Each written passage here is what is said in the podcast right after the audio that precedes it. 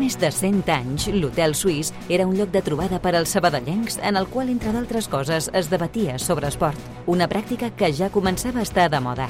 Un segle després, continuem amb aquell esperit històric d'una ciutat estretament vinculada a l'esport.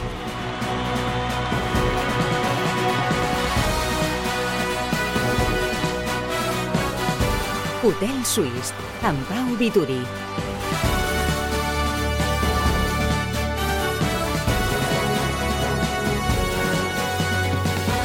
Què tal, com esteu? Una i quatre minuts d'aquest eh, divendres 1 de març del 2024, en penúltim mes de competició. Segurament ja no sortirem d'aquest argument fins que acabi la temporada, però el Centre d'Esport Sabadell torna a tenir diumenge a les 6 de la tarda un partit importantíssim. D'entrada, per intentar sumar la tercera victòria consecutiva i fer el 9 de 9 contra equips eh, bascos. També per acabar d'enfonsar, sobretot, un rival directe que ara mateix està 6 punts per sota la classificació.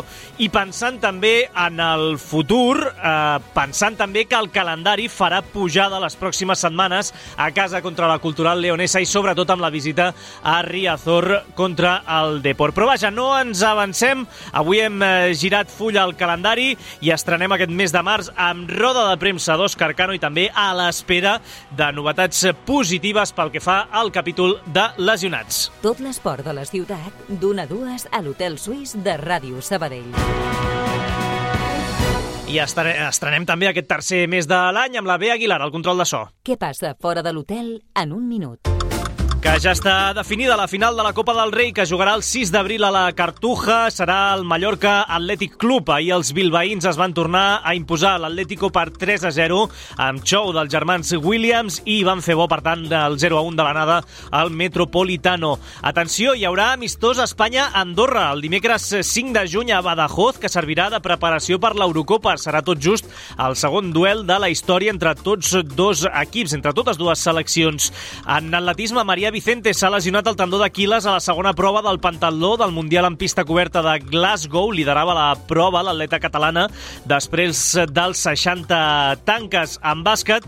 L'Uni Girona ha eliminat el Galatasaray als quarts de l'Eurocup femenina després de guanyar també la tornada per 81 a 83. El rival a semifinals serà un altre conjunt turc, el Besiktas. I en handbol, derrota del Barça del sabadellenc Aleix Gómez a la pista del Magdeburg alemany per 29 a 28. Els blaugrana mantenen la primera plaça del grup per gol a baraix a falta d'una jornada per tancar la lligueta de la Champions. I tot això és el que tenim avui.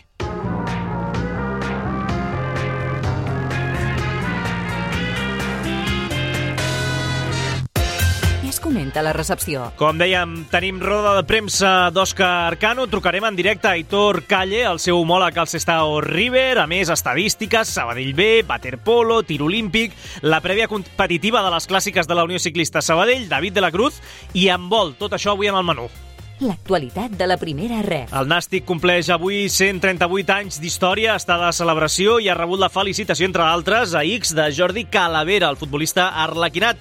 I Riazor ha penjat el cartell de no hi ha entrades de cara al Depor Lugo d'aquest diumenge a les 7 del vespre. La notícia curiosa. Curiosa i també sabadellenca. Aquesta era la peça que feien al TEN a migdia de TV3 sobre el Campionat d'Espanya de tenis taula que s'està celebrant a Tarragona. Es diu Joan Barberà Petit, però és el gran. I aquest és el Joan Barberà fill, nissaga de palistes del Club Natació Sabadell i aquesta setmana parella de dobles. Un cas únic en els campionats estatals. És algo inèdit, únic, diferent, especial, bonic i que ha sigut un, un moment fantàstic i, i meravellós i que crec que al final és per recordar tota la, la vida. És una mica intens, però ho fa amb molt amor del món i, i al final doncs s'agraeix també i m'ajuda en tot el que pot. Ara és molt maco poder parlar amb ell de tenis taula. Ara podem parlar molt de, de tenis taula, d'un partit, de com ha jugat. Un cop he perdut, doncs sí que necessito més un temps com de reflexió interna i això. Avui he jugat més amb un company que amb el meu fill. He disfrutat, he gaudit molt del, del partit. Els Barberà han acabat perdent, però pare i fill han compartit una experiència única. Doncs dues veus, especialment la del pare, conegudíssima a casa nostra. De quin partit no estarem pendents? De l'Stellenbosch, ja ho direm bé, Chipa United de la Lliga Sud-africana a dos quarts de set de la tarda. I a les xarxes socials. La crida que han fet des del compte CNS Volley de cara a l'important duel que té el masculí demà a dos quarts de cinc de la tarda a les naus contra el Barça per deixar tancada del tot la permanència a Superliga 2. Molt bones a tots. Volíem animar que aquest dissabte a les 4 i mitja vengueu a animar-nos contra el Barça. Prometem espectacle. Parlaven en aquest cas el balear Damià Bausà i Oriol Buixó. Avui celebra el seu aniversari. Doncs avui estrenem més felicitant un pòquer de jugadors arlequinats o exarlequinats. D'entrada, un membre de l'actual plantilla del Centre d'Esports, Jesús Fernández, i també avui és l'aniversari d'Òscar Ramírez, Naucet Pérez i Joanet. Hotel Suís, de dilluns a divendres, a Ràdio Sabadell.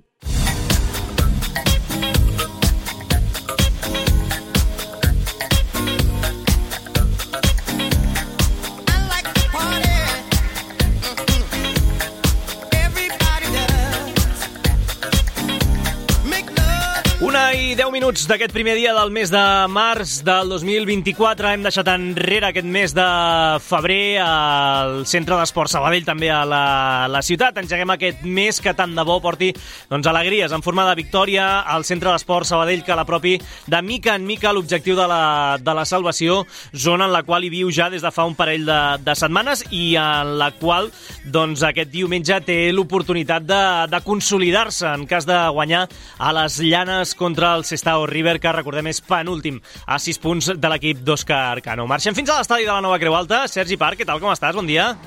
Vituri, bon dia. Com va la cosa? Tindrem roda de premsa d'aquí 4 minuts i mig, abans, després, com ho veus? No t'ho sé dir exactament, eh? però fa estona que l'equip ha acabat l'entrenament que s'ha dut a terme aquest matí a les instal·lacions de Sant Oleguer. Els últims jugadors que encara quedaven per aquí a la Nova Creu Alta ja estaven desfilant després del pas per vestidors.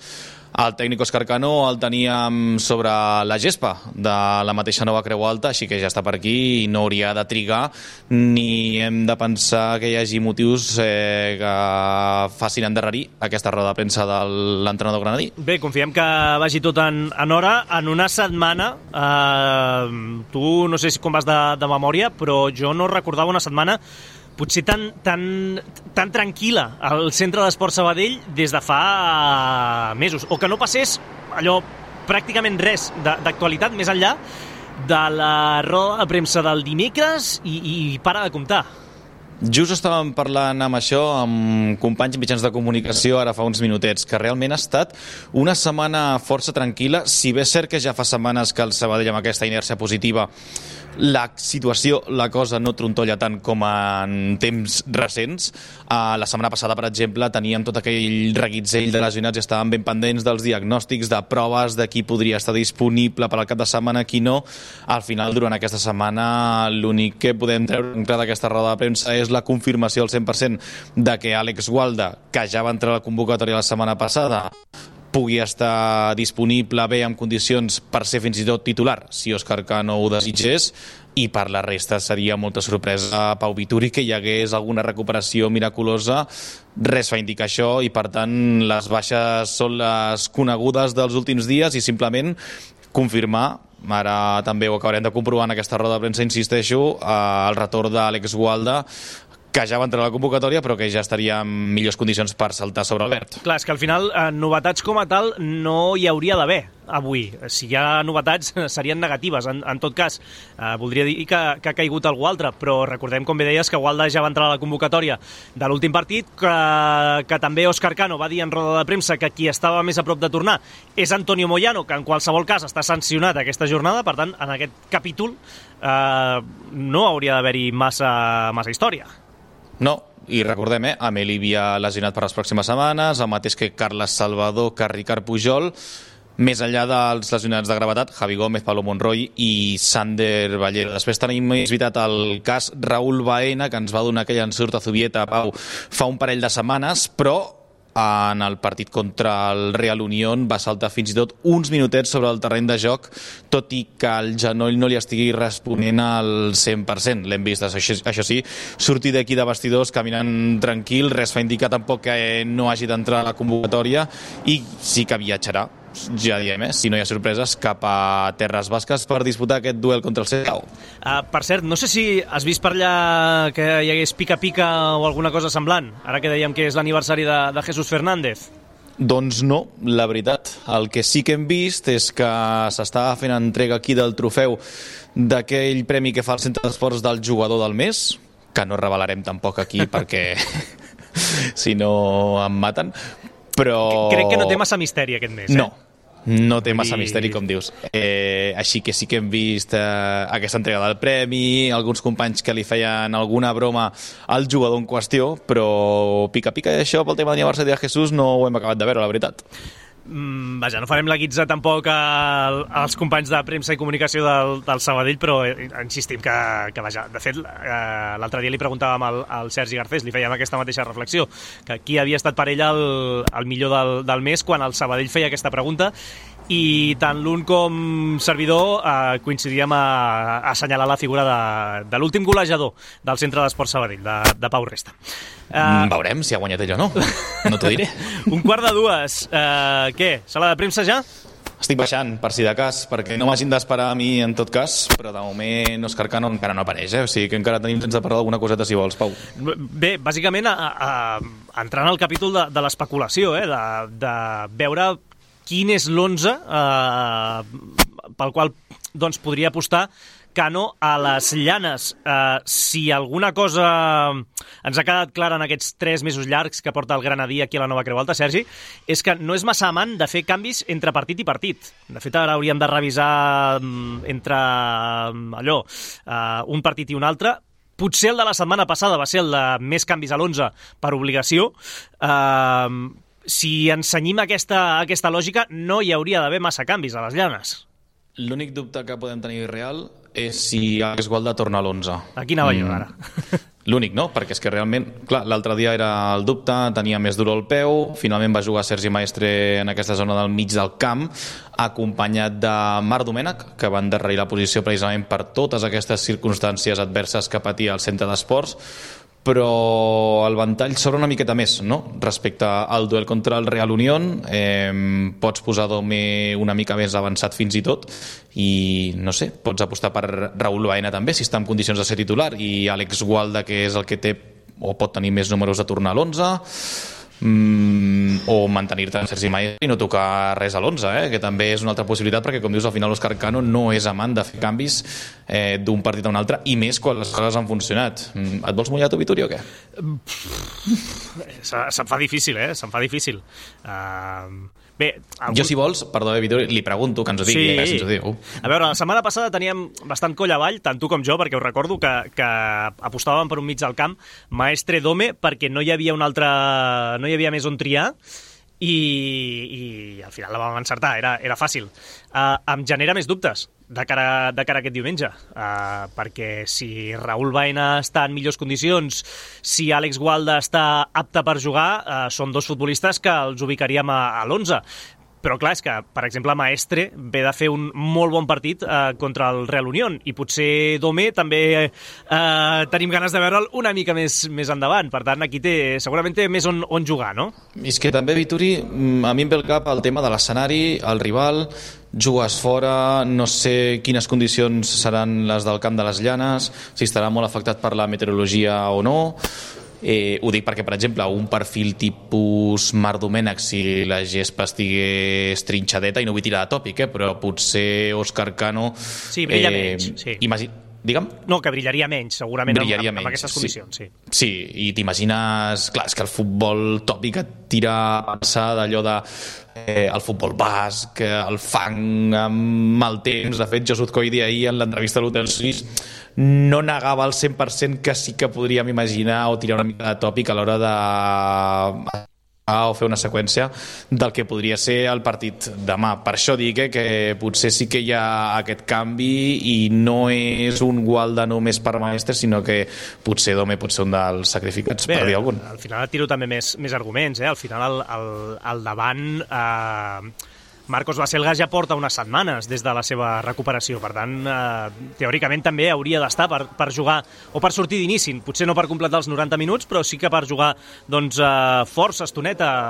Eh, David Soto ara també hauria de tirar de, de memòria, però crec que no està titular encara amb, amb Òscar Cano, per tant, Bé, el... Aquí vaig jo, aquí vaig jo, eh? El nom de Soto te'l anava a dir, eh? que jo crec que ha fet mèrits algun dia per ser titular.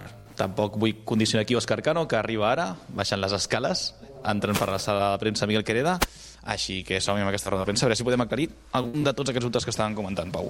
Vinga, va, a punt de començar. Per cert, Soto, set partits, els set sortint des de la banqueta. Col·locant tot aquí. Hola, Oscar, buenos días. Eh, mira, te pregunto primero por el tema de, de, las bajas. La semana pasada la situación era un poco dramática, ¿no? Por decirlo así. Eh, esta semana, si no me dices lo contrario, creo que no ha habido un empeoramiento de la situación y, vaya, te pregunto por si hay alguna novedad en positivo, también en negativo, y si Walda está en mejores condiciones para, para jugar el domingo. Hola, buenos días. Eh, bueno, la novedad precisamente es que Walda ya ha hecho un porcentaje altísimo del tiempo de la sesión en, en, grupo, con los demás compañeros todavía tiene una ligera molestia, ¿no? porque es una zona en la que constantemente al, pisar, al impulsarse, al cambiar de ritmo, al cambiar de, dirección, eh, pero como no hay daño estructural ni de ningún tipo, pues es un, es un tema de, de tolerar eh, esas pequeñas molestias, ese pequeño dolor que tiene, ¿no? por lo tanto lo recuperamos y, y podrá venir con nosotros, ¿no? El resto pues sigue con su, con su proceso natural, eh, la evolución de todos ellos es, es buena eh, y bueno, y esperemos que poco a poco se puedan ir reincorporando con, con el grupo, ¿no?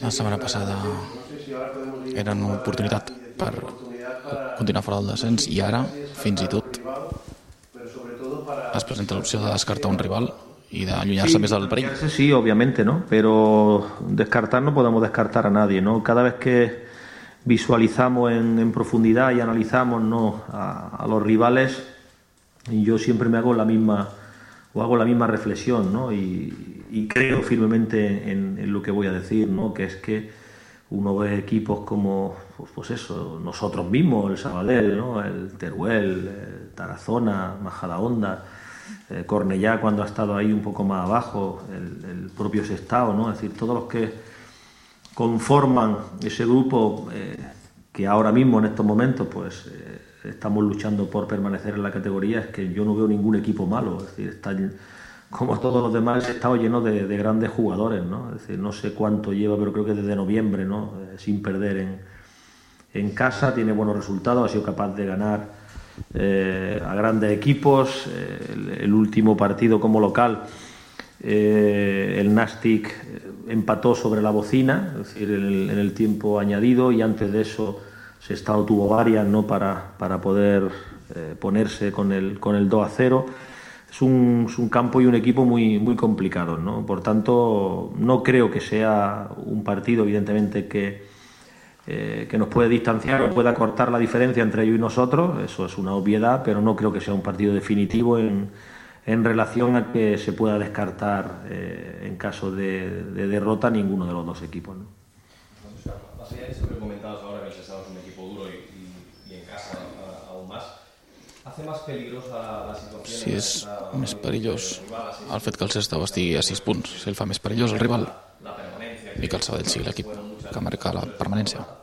Sí, es decir, eh, es que son situaciones límite o, o, casi límite, ¿no? En el sentido de que, claro, ellos se pueden ver muy lejos, ¿no? En caso de derrota, no solo de no solo respecto a nosotros que somos ese equipo que está en el corte, sino bueno, pues de otros de otros clubes que ahora mismo forman parte también de nuestro grupo, ¿no? Pueden ser o puede ser que dentro de tres, cuatro semanas, pues eh, alguno de ellos ya no forme parte de este grupo, pero bueno, eh, Osasuna promesa se ha complicado, con la derrota del otro día Real Unión de también, eh, Cornellá, nosotros y todos los demás, ¿no? Es decir, ahora mismo, pues la verdad que, eh, que lo importante es que somos muchos más equipos de los que éramos eh, en Navidad, ¿no? Eh, que parecía que era más acotado este grupo, ¿no? Y por, yo, para mí, el Sestao se hace peligroso por lo que tú dices, pero si no tuviese buenos jugadores, por mucho que estuviesen en una situación límite no saldrían de ahí, ¿no? Y es que yo veo un equipo que el otro día, fíjate, cayeron goleados en, en, Vigo, pero es que gran parte del partido lo, lo, dominaron ellos, ¿no? Es decir,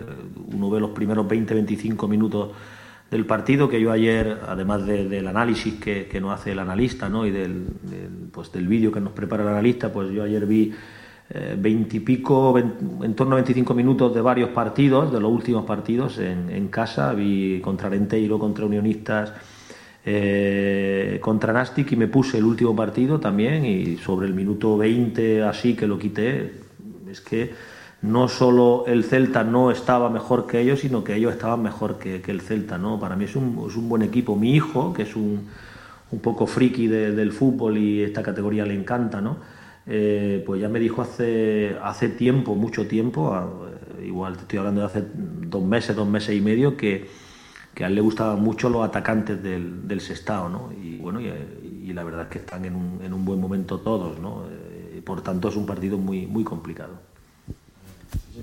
¿Qué importancia tiene el partido del domingo, más allá de todo lo que has comentado, eh? pero sabiendo que luego toca un tramo de calendario que, bueno, Cultu, Depor, incluso Arenteiro, si lo alargamos un poco más, ¿no?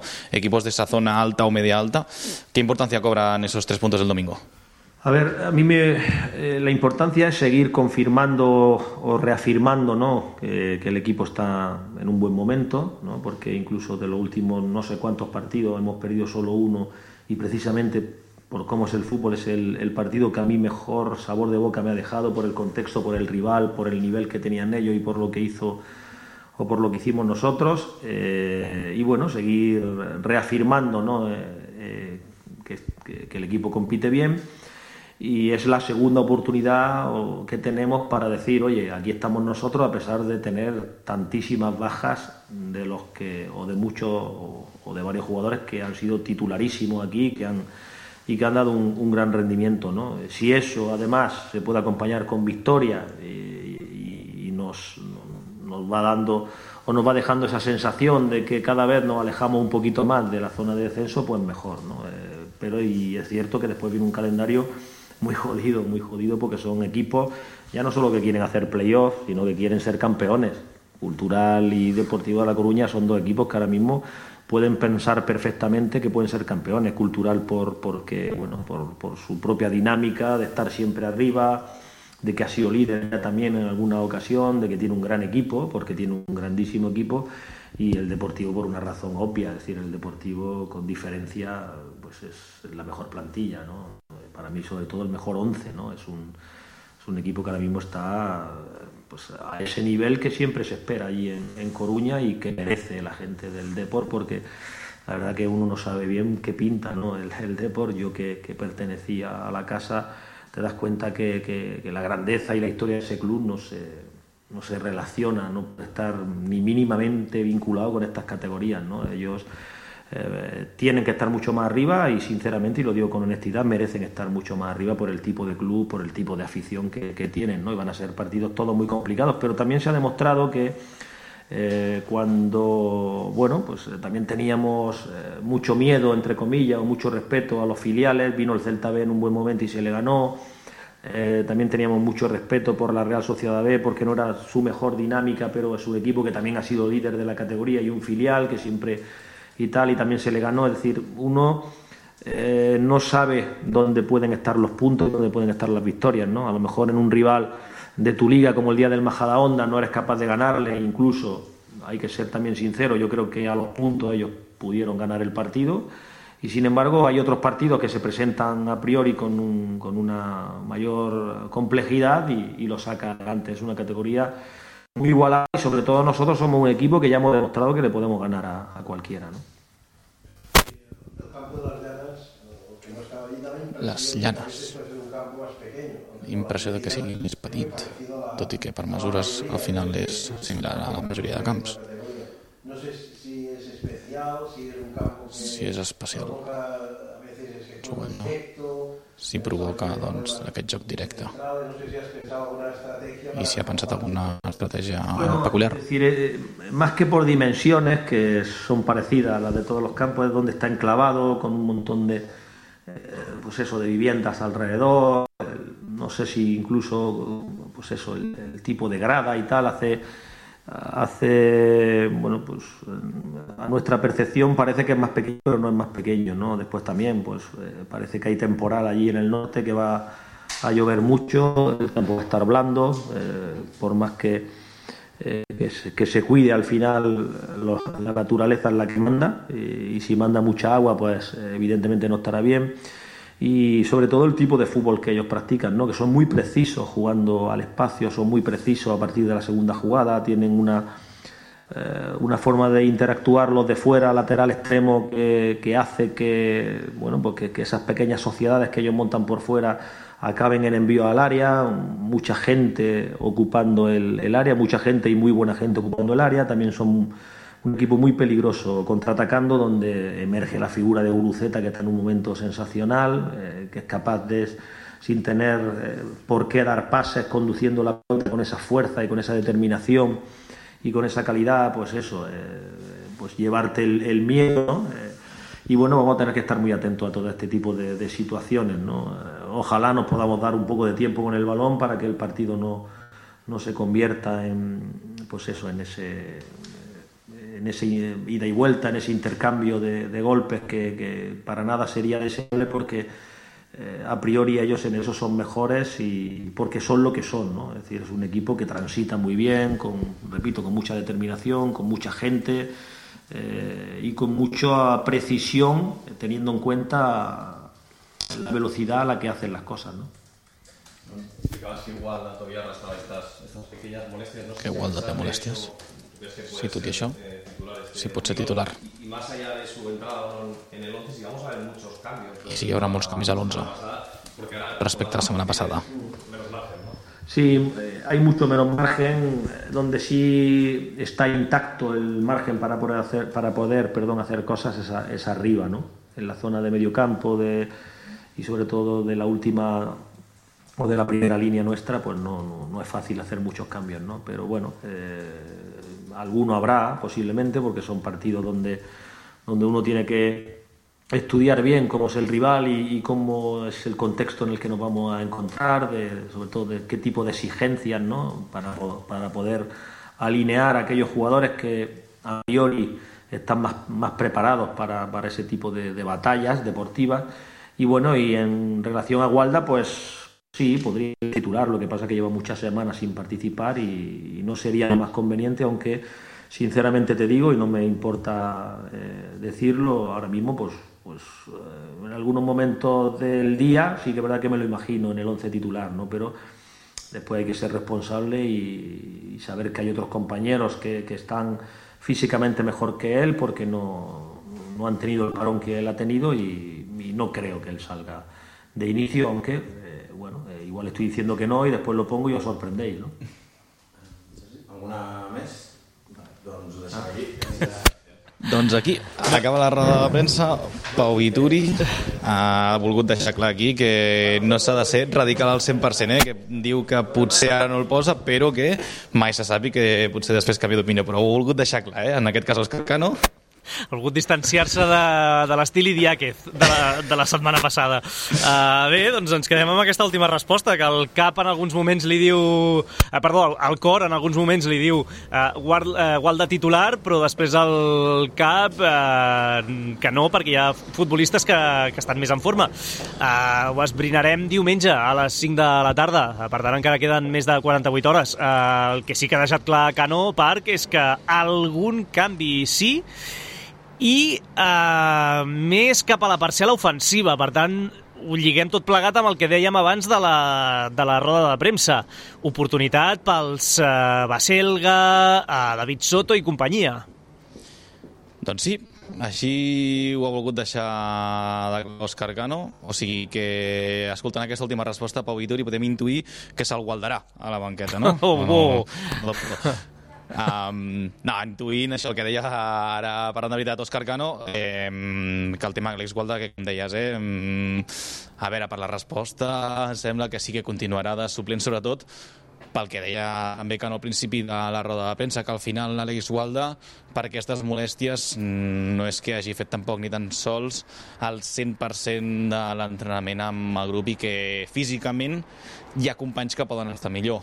i després, pel tema que feia referència a la batalla, i a més utilitzava les mans per fer la senyal de les cometes, no sé si tu aquí veus el tema del Domènec, que comentàvem. Sí, segurament podria ser un dels, dels damnificats a, a l'11.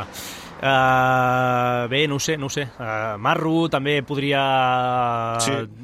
Sortir de, de, de suplent, no sé. Uh, insisteixo, eh, fins dissabte, uh, perdó, fins diumenge a les 5 no, no sortirem de, de dubtes.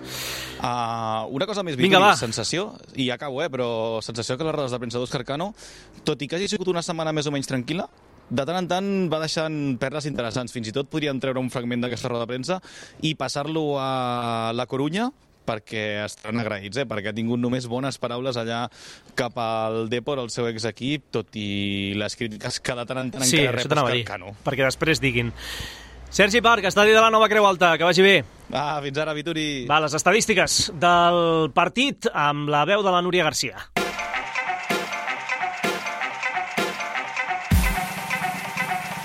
El llibre de registre. Real Sociedad B, Real Unión i Sestao River, aquest diumenge es completa a les llanes la trilogia de partits consecutius contra equips del País Basc, dos guipuscoans i ara un biscaí. Una mica d'història. Un fet geogràficament molt poc comú en la història del Sabadell. Els calendaris simètrics tampoc ajudaven. És cert que la temporada passada, durant la segona volta, l'equip de Miqui Lladó va tenir tres desplaçaments consecutius a l'Estadium Gal, a l'Ezama i a Zubieta, però aquesta seqüència que comentàvem feia 40 anys que no es produïa. Poc abans de l'ascens a Binèfar, el centre d'esports va empatar sense gols al camp del filial de la Real, aleshores Sant Sebastián, va guanyar 3 a 1 l'Alavés a casa i va tornar a signar un 0 a 0 al camp de l'Erandio a 10 minuts en cotxe de les Llanes. Els precedents. Un escenari que el Sabadell no trepitja des del 10 d'octubre del 1992. De fet, no va ser contra l'actual Sestao River, sinó que el rival era la seva gènesi, el Sestao Sport Club. Allà el conjunt arlequinat hi ha jugat 13 vegades amb un balanç de 4 victòries, 2 empats i 7 derrotes.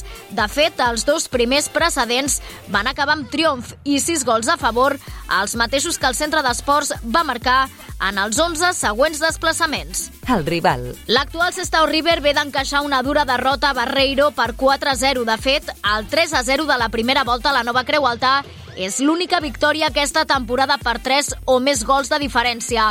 Però a les Llanes és una pel·lícula diferent. Sense ser uns números per tirar coets, són el tercer pitjor local. De fet, no perden a casa en Lliga des del 2 de desembre en un 0-1 contra el Lugo, quan encara l'entrenava Munitis. Ben immers en el descens des de l'inici de la Lliga, el conjunt verd i negre és el pitjor atac del grup empatat amb el Cué, el Teruel.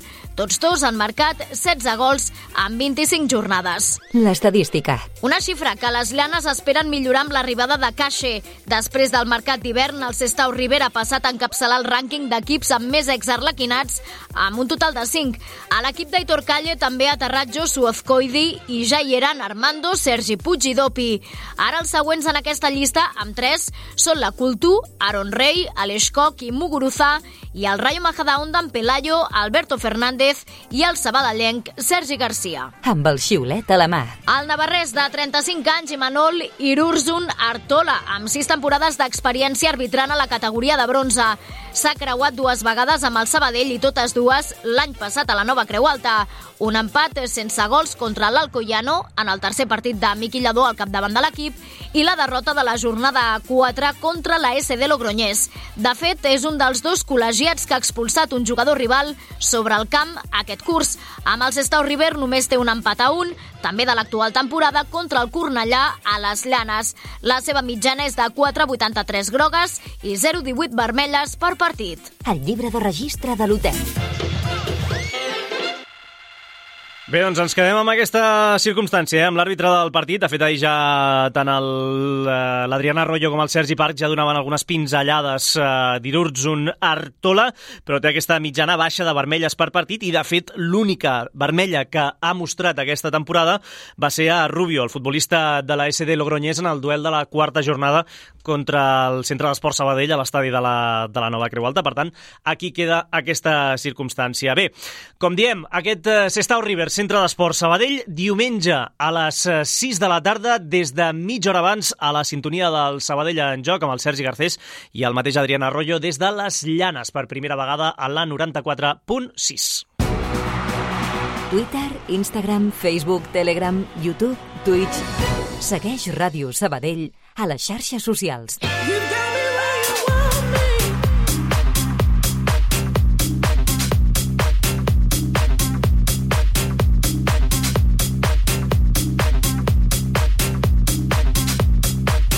Sembla de moment que no podrem parlar de tot això amb el míster del Sestao Rivera, amb Aitor Calle. Més qüestions. A la Lliga Elite, el Sabadell B rep demà a Olímpia, un altre equip arlequinat, com és el Canvi de Let. El conjunt dirigit per Conrad Garcia és el millor local de la categoria. 10 enfrontaments que s'han jugat a Olímpia, 8 victòries, un empat i únicament una derrota. Ara bé, recordem, el filial del Centre d'Esports ve de perdre fora de casa al camp del Vic per 2 a 1 en el seu últim partit, un resultat que l'ha allunyat un puntet més, a 5 ja, del lideratge que ostenta l'Europa B, però per contra continua el filial segon, ocupant l'última plaça de descens directe a tercera federació i ja amb un marge de 6 punts sobre el tercer, només eh, li van retallar un puntet també en l'última jornada. El rival, el canvi d'alet, que dut dues victòries de forma consecutiva, a domicili contra l'Horta i a casa contra el Palamós, totes dues a més amb la porteria a 0. Són novens ara mateix els desplugues a 3 punts del playoff. Miquel Ostrell, jugador del Sabadell B, veu el canvi de LED candidat per lluitar per aquesta promoció d'ascens. Aquesta lliga molts equips estan per apuntar per, per anar a batallar pel playoff o inclús per ascens directe. Eh, el canvi de LED és un d'ells, però tant com és el canvi de LED te'n podria dir 4 o 5 més. O sigui, aquesta lliga està, està molt igualada i, i cada, cada partit és un món diferent. La temporada dels del Baix Llobregat està sent una muntanya russa. No van perdre fins la jornada 7, però després van travessar un periple pel desert. Estan 8 partits sense guanyar. En les 5 últimes jornades han aconseguit 3 victòries, un balanç que, com dèiem, els torna a apropar a aquesta zona noble de la Lliga Elite. A la primera volta, el Sabadell B ja va comprovar com de dur és el rival en un partit que es va, en el qual es va salvar un punt gràcies precisament a un gol del mateix Ostrell. El canvi de LED és un camp molt difícil i nosaltres allí el, cap als últims minuts em sembla que era és quan vam rascar un empat i bueno, ara venen aquesta setmana que ve i, i bueno, no, no queda cap més que anar pels tres punts. Doncs horari habitual a Olímpia per la disputa d'aquest Sabadell B Canvi de LED, és a dir, demà a les 4 de la tarda. 4 minuts i arribarem al punt de 3 quarts de dues, aturada per la publicitat, i quan tornem tenim un bloc extens dedicat al món del ciclisme.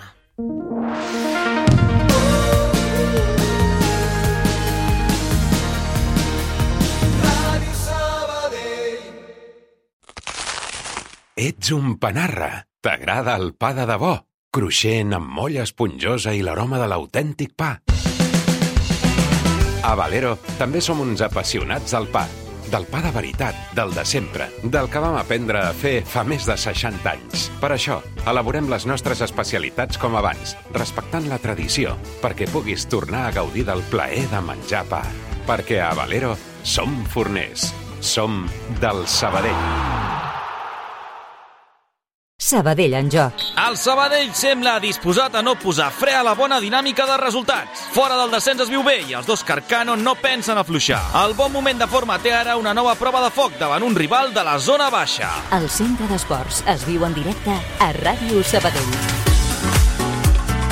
Diumenge a dos quarts de sis de la tarda i des del mític Camp de les Llanes, Sestau River, Centre d'Esport Sabadell. Segueix la transmi amb la narració del Sergi Garcés, els comentaris de l'Adriana Arroyo i la direcció del Pau Vituri. Diumenge a dos quarts de sis de la tarda, Sestau River, Centre d'Esport Sabadell, a Ràdio Sabadell. Vibra amb els partits del Centre d'Esports al Sabadell en joc.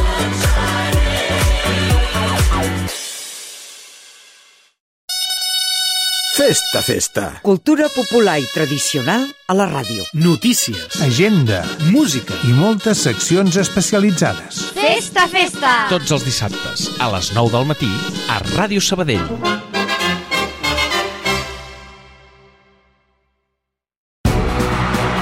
D'una a dues, l'Hotel Suís, a Ràdio Sabadell. Estem de tornada aquí a l'Hotel Suís de Ràdio Sabadell, dos minuts i seran tres quarts de dues. Fem un parell de punts ràpids, eh, perquè aquest matí hem conegut que la Copa del Rei de Waterpolo es disputarà del 12 al 14 d'abril a les instal·lacions de Sonugo, a Palma de Mallorca. La Federació Espanyola ha triat la mateixa piscina on se celebraran al juny els trials de natació pels Jocs Olímpics. A banda de l'Astralpool Natació Sabadell, hi seran l'Atlètic Barceloneta, el Terrassa, el Mediterrani, el Barcelona, el Sant Andreu, el Tenerife Cheide i el Mataró. Recordem que l'equip de Quim Colet és el vigent subcampió de Copa després de perdre a la tanda de penals la temporada passada a Calllong contra l'equip mariner. El sorteig del quadre, per cert, es durà a terme d'aquí a tot just una setmana, el dia 8, a les 5 de la tarda. I estem pendents de Chus Oviedo, que ha de competir en els pròxims minuts a les eliminatòries individuals de l'Europeu de Guior a Hongria. De moment s'ha dut a terme aquest matí el primer paquet de tiradors de participants, eh, un total de 27, i a les dues ho ha de fer la resta. Recordem que el tirador badienc del Club de, de Tir Sabadell busca una de les 8 places per intentar ser a la final d'aquesta tarda a les 5, on es repartiran dos bitllets més pels Jocs Olímpics de París. Ahir es va estrenar Oviedo sent 12 de 46 parelles a la prova mixta al costat de Paula Grande. Tots dos van signar una puntuació de 627,6 a menys de 3 punts del podi.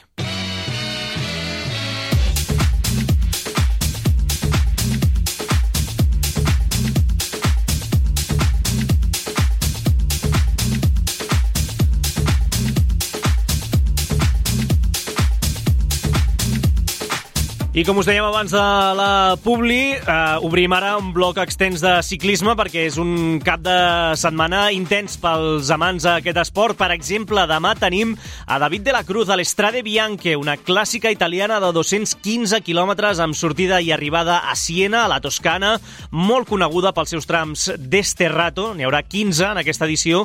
En total, més de 70 quilòmetres sobre aquests camins de, de terra. Debuta, per cert, aquesta temporada l'eslovè Tadej Pogacar amb aquesta Strade on hi serà de la Cruz. I molt més a prop, a casa nostra, tenim aquestes dues clàssiques de la Unió Ciclista Sabadell. Demà a la tarda, el 53è Trofeu Joan Escolar. Aproximadament, per qui estigui interessat a apropar-se a l'arribada cap a les 6 i 20 a Cal Balsac. I l'endemà, el 94è Campionat de Sabadell. En aquest cas, l'arribada està prevista sobre la una del migdia. Avui ens hem volgut quedar amb aquesta part purament competitiva i amb dos noms propis, Raül Rota i David Domínguez. Domínguez. Per mi, Raül, sempre és una cursa molt especial. Eh, des de que soc sub-23 i elit he corregut pràcticament cada any aquí a Sabadell i fent molts bons resultats. I bueno, aquest any és una mica diferent perquè som els dos professionals, però bueno, ens han donat l'oportunitat de, de córrer i per nosaltres és, és molt maco. Escoltàvem el de Castellarnau, segon a l'edició de l'any passat del trofeu Joan Escolar, cinquè també al campionat de Sabadell, on va ser el millor ciclista de la ciutat. Tots dos podríem dir que encapçalen el cartell de la prova, malgrat ser ja professionals continentals. Domínguez amb la Viludo Louletano i Rota amb el Ràdio Popular Paredes Boavista, tots dos equips portuguesos. Els escoltem novament a tots dos assumint el paper de favorits, però també amb un punt de cautela pel fet de córrer aquesta vegada sense equip, de fer-ho per lliure la gent doncs, entenc que ens vigili i així, però bueno, jo m'ho prenc normal no? I, i és una carrera més a, a disfrutar i també doncs, a, a aprofitar no? que també ens, la Federació Catalana ens dona l'oportunitat de poder córrer aquí i això, a disfrutar bàsicament. Sí, al final eh, t'has de dosificar molt més, no pots anar atacant ni, ni tens els companys d'equip que et puguin ajudar si se'n va la cursa per davant o alguna cosa. Llavors has de córrer una mica més conservant i, i que siguin altres equips el que, els que dominin la cursa intentar aprofitar-te de qualsevol situació i tal, però bueno, també sabem que el Raül i jo serem un dels, dels més vigilats per, per ser professionals i bueno, haurem de jugar les nostres cartes també. Rota, aquí escoltàvem primer, va guanyar el Joan Escolar el 2021 amb Domínguez sent tercer el de Canuriac, però també admet que s'ho prenen diferent d'entrada perquè ja han fet el més difícil, el salt al professionalisme i per tant no tenen aquesta pressió afegida, però és que més aquest mes de març tenen eh, diferents proves amb els seus equips a Portugal, com per exemple la Volta ao Alentejo i per tant s'han de seguir preparant. Jo crec que ens ho prenem diferent tant jo com el David Domínguez perquè bueno, ara igual ho fem una mica més com a preparació de cara a les curses properes que tenim amb, amb l'equip, no? però també amb, amb intenció de disfrutar i bueno, doncs, si podem rascar algun bon resultat, doncs òbviament que, que estarem contents i més sent les dues curses de casa, no? que sempre fa, especial il·lusió. I tots dos també han comentat la gran novetat dels dos circuits d'enguany. Eh, si recordeu, si estàveu pendents eh, dimarts aquí a l'Hotel Suís, explicàvem que enguany tant el Joan Escolar com el Campionat de Sabadell entraran a la ciutat, a la ciutat perdó, per la part de la salut i la, al final seran pujada fins a la plaça de la Creu Alta per la via Massaguer. Domínguez creu que aquest final el beneficia.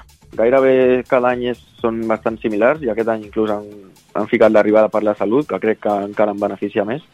I sí que són un recorregut bastant dur, amb pujades que es, es pot seleccionar bastant, i és el que dius, córrer a casa llavors ens, ens ajuda bastant a l'hora de d'apretar una pujada que saps quan acaba ben bé, les baixades també les coneixes més i pots arriscar una mica i, i és això, la capacitat de, de sofrir quan, quan estàs acabant la pujada i conèixer-ho tot, tot bé, doncs per mi almenys m'ajuda bastant. Aquesta era l'opinió de David Domínguez. Rota, eh, per la seva part, no li porta la contrària, precisament. Jo crec que, per exemple, sí que el David igual se li adapta més al, al final, no? És un final que pujar per la salut eh, pel tipus de corredor que és ell, doncs igual jo crec que li, li va millor. Però, bueno, arribem bastant semblants. Jo sí que després del Garbe he estat alguna més tocat, no? Però, bueno, ara m'estic trobant bé entrenant, per cert, que no serà l'única participació sabadellenca a les dues clàssiques. És cert que no hi seran ni el germà de Raül Rota, Òscar Rota, ni Pau Matarín, que han de competir a la Copa d'Espanya aquest cap de setmana, però li podem sumar els noms dels Jordi Cavaller, Adrián Garcia, Roger Puig o Rubén Parra. I teníem pendent escoltar també una conversa del dia de la presentació de les clàssiques amb aquesta nova denominació de Challenge, la, és a dir, la classificació de les dues proves, Challenge Gran Premi Inauguració Ciutat de Sabadell, per ser també les primeres de la temporada de la Federació Catalana, aquesta xerrada entre el Sergi Parc i el president de la Unió Ciclista Sabadell, Antoni Soler.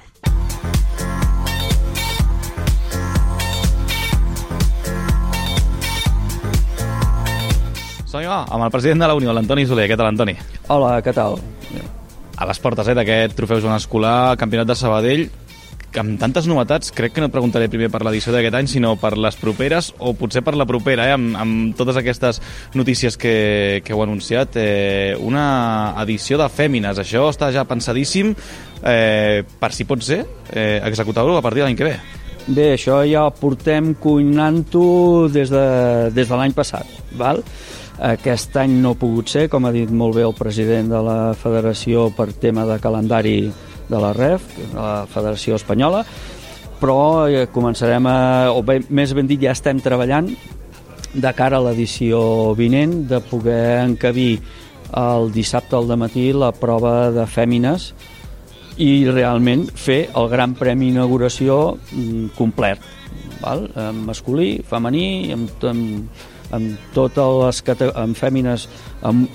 el que sí volem és que arribar a la, a l'edició de Fèmines però amb, amb, amb condicions i amb un, amb un bagatge important per, de, de nivell i de participació. És a dir, no volem arribar-hi de qualsevol manera, sinó eh, tenint en compte el prestigi que ja tenim amb les nostres curses femenines, ai, masculines, perdó, doncs amb la femenina ja començar amb un nivell més que acceptable un altre repte per la Unió. A partir del 2025, per aquest 2024, ara ho deies, eh, amb aquest gran premi inauguració, que pot ser, eh, no sé si una novetat atractiva, i ara parlem del recorregut eh, també, Antoni, però eh, el fet que també hagi creat eh, aquesta classificació conjunta de, de les dues curses, la nomenclatura de la ciutat de Sabadell, eh, tot plegat crec que ho fa fins i tot més atractiu de, de, del que era tradicionalment eh, aquest cap de setmana de la, de la Unió. Sí, correcte. A, a veure, nosaltres, eh, en el format que teníem fins l'edició de l'any passat, les edicions passades,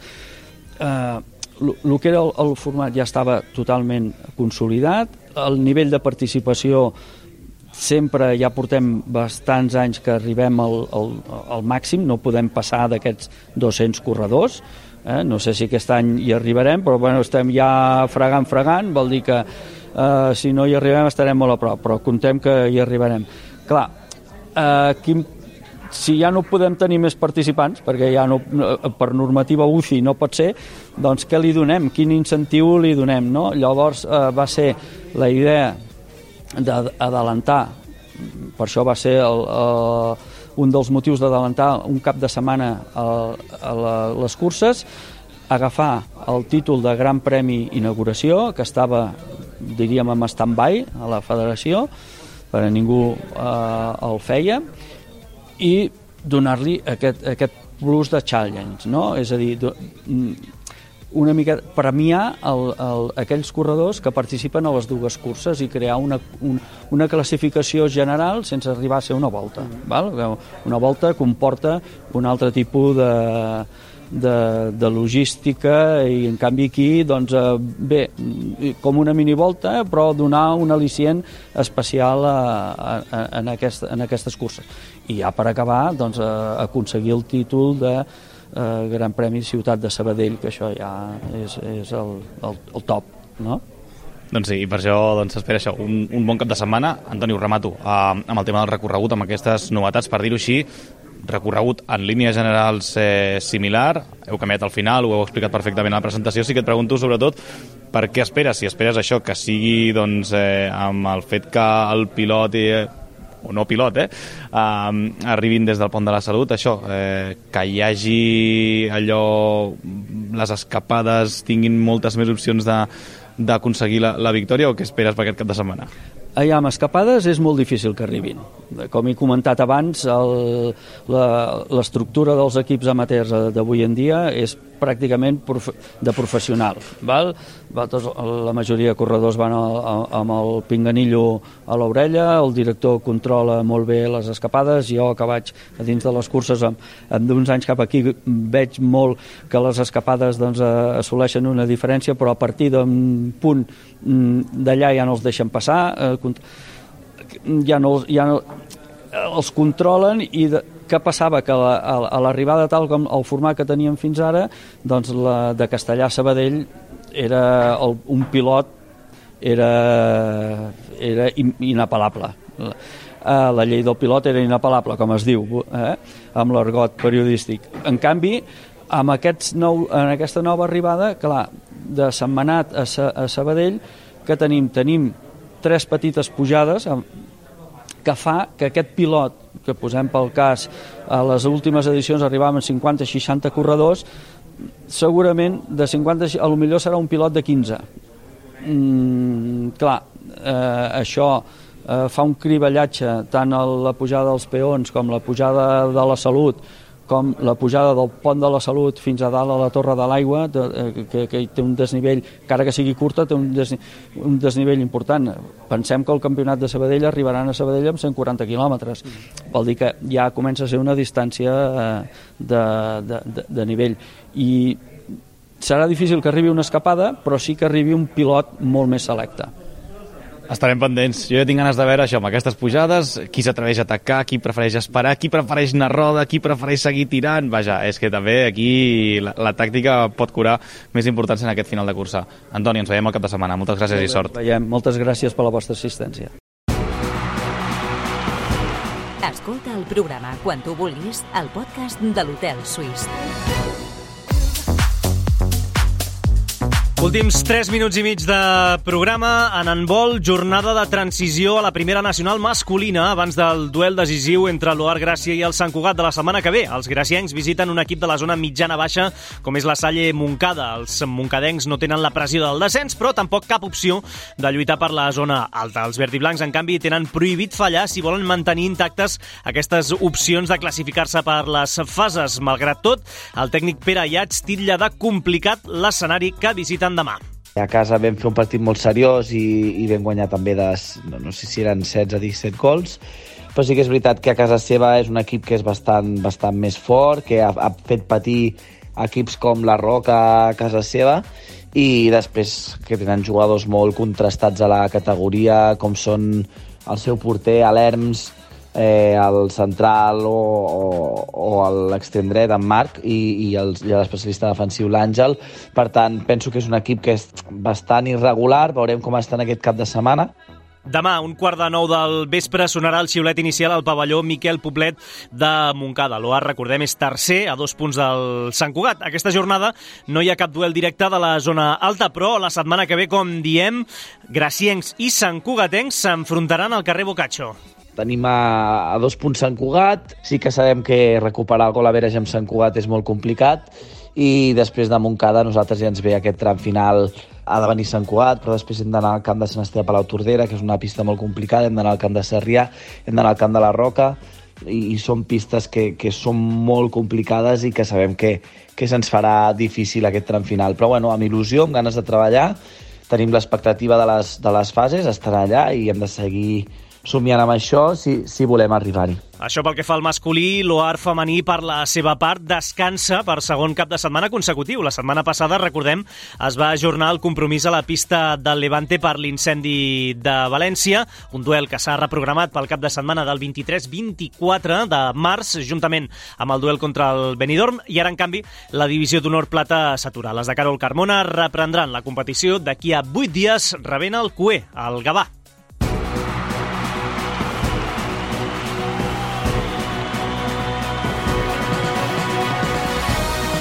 Menys d'un minut per arribar al punt de les dues. Nosaltres ho deixem aquí. Abraçada ben forta de la Bea Aguilar des del control de so i de tot el Departament d'Esports d'aquesta casa amb l'ajuda de l'Anna Clarà i l'Ivan Lechuga com a estudiants en pràctiques. En retrobem diumenge, recordem, a dos quarts de sis de la tarda amb aquest Sestao River Centre d'Esport Sabadell des de les Llanes. Ara, els informatius, el Notícies Migdia amb la Núria Garcia, que la tinc ja aquí al meu costat. Que passeu un bon cap de setmana. Adéu-siau.